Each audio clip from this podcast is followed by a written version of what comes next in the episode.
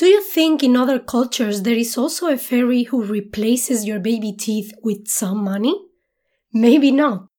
Let's see how it works in Hispanic culture.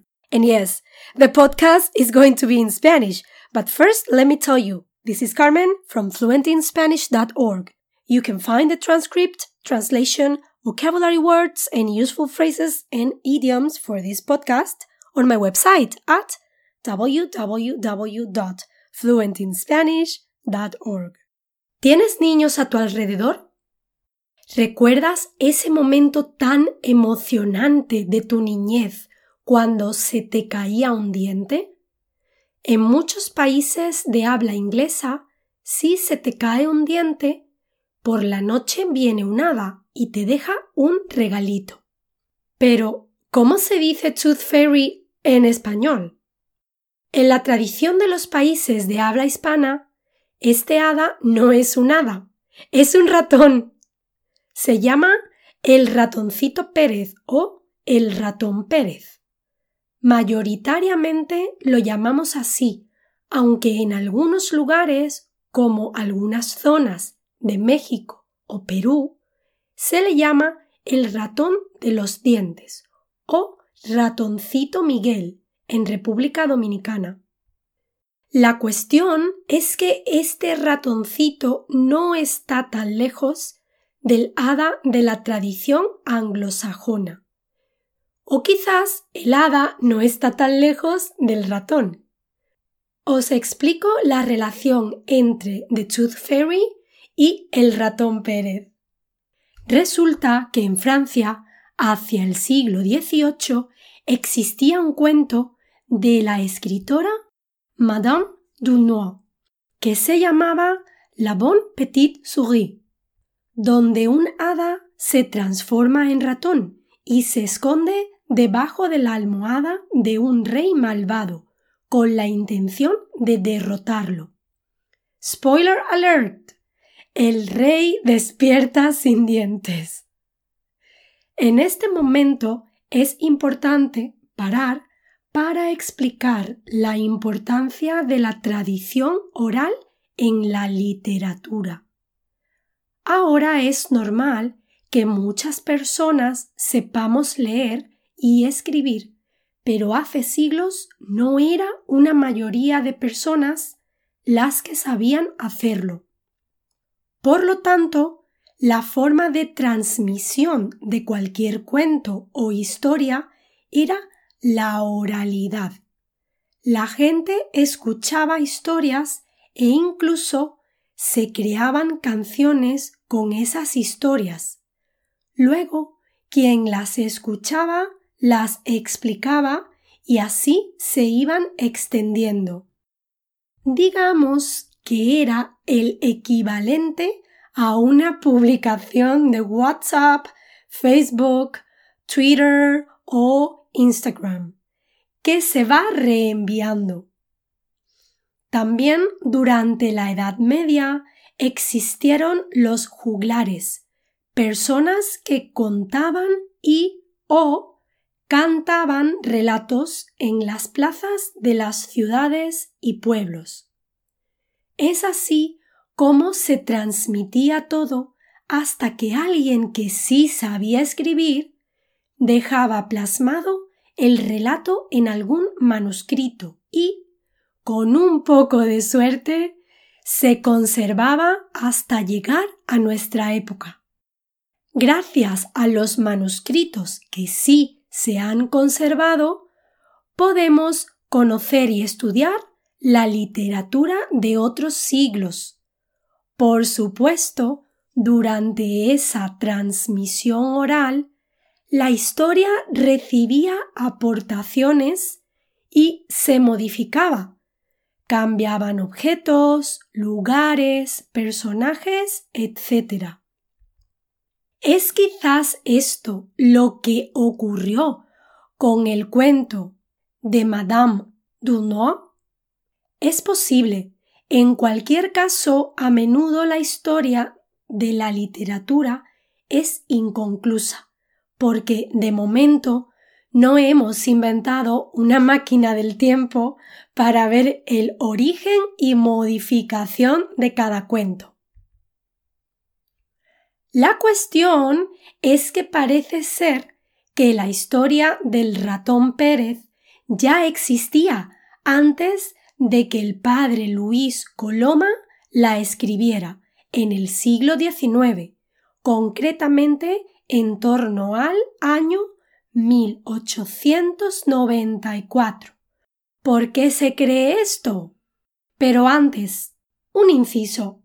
¿Has visto que he repetido dos veces la cuestión es que?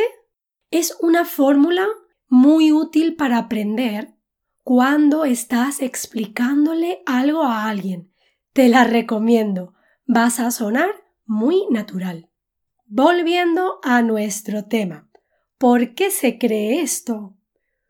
Pues porque se da la circunstancia de que en la novela La de Bringas de Benito Pérez Galdós, escrita en 1884, es decir, diez años antes que el cuento del ratoncito Pérez, el escritor hace referencia a este ratón, por lo que debía ser ya popular antes del primer manuscrito del padre Coloma.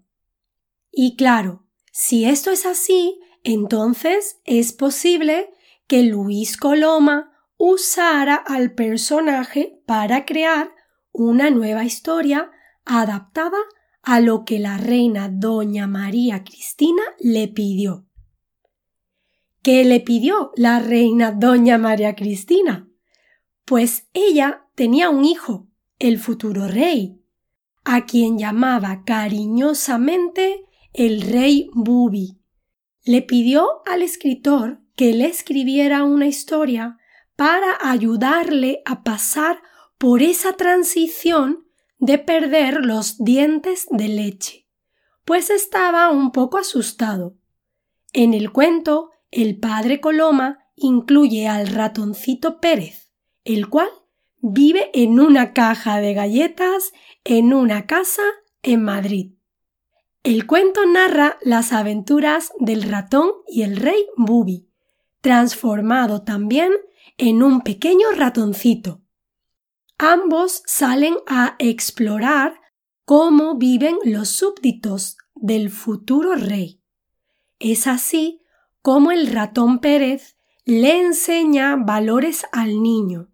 Básicamente es un cuento educativo donde intenta acercar al niño a la vida normal de las personas de su reino, tan diferente a la de él.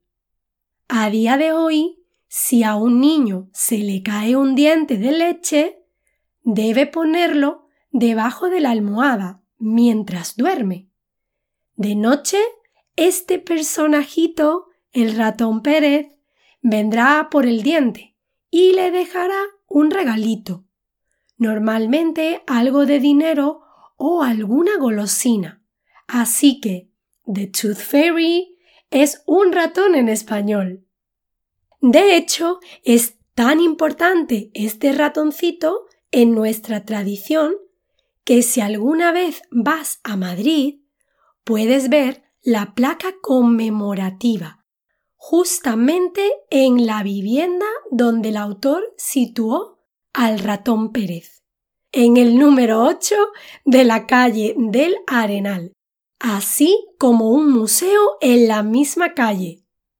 Asimismo, existe una película hispano-argentina llamada el ratoncito Pérez, de la que luego Disney hizo una segunda parte. Ah, y en Italia la tradición es similar, solo que el ratón se llama Topolino.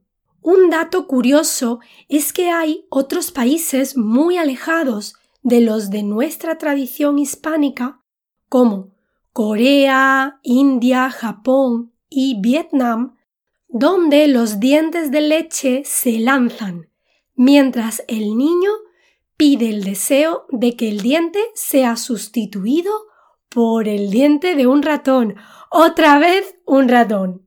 Parece ser que esto viene del hecho de que los dientes de todos los roedores están en continuo crecimiento durante toda su vida, al ser dientes que sufren mucho desgaste.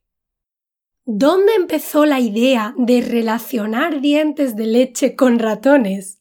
Es un misterio. La cuestión es que... Otra vez. Recuerda, tienes que aprender esta fórmula. La cuestión es que esta relación existe en diferentes países. ¿Es por la tradición oral que viajó a todas partes? Si es así, ¿quién inició la historia? ¿O es porque los humanos al final no somos tan diferentes? Quiero decir que si quizás es porque tenemos ideas similares y, como los dientes de los roedores en todo el mundo crecen durante toda su vida, diferentes personas en el mundo unieron esto a la pérdida de los dientes de leche. Te dejo estas preguntas para que elijas tú la respuesta. Escríbeme con tu conclusión o si conoces de alguien que esté investigando sobre esta relación o que lo haya hecho, también escríbeme. Me encantará saber más sobre el tema. Hasta aquí el ratón Pérez The Tooth Fairy de la cultura hispánica, os dejo al final el enlace al manuscrito original que se encuentra en el Palacio Real de Madrid, la placa conmemorativa de la casa y el Museo del Ratón Pérez. Remember to take a look at the transcript, translation, vocabulary words, and useful phrases and idioms for this podcast on my website at www.fluentinspanish.org. You will also find articles and videos to help you get fluent in Spanish too. Nos vemos muy pronto.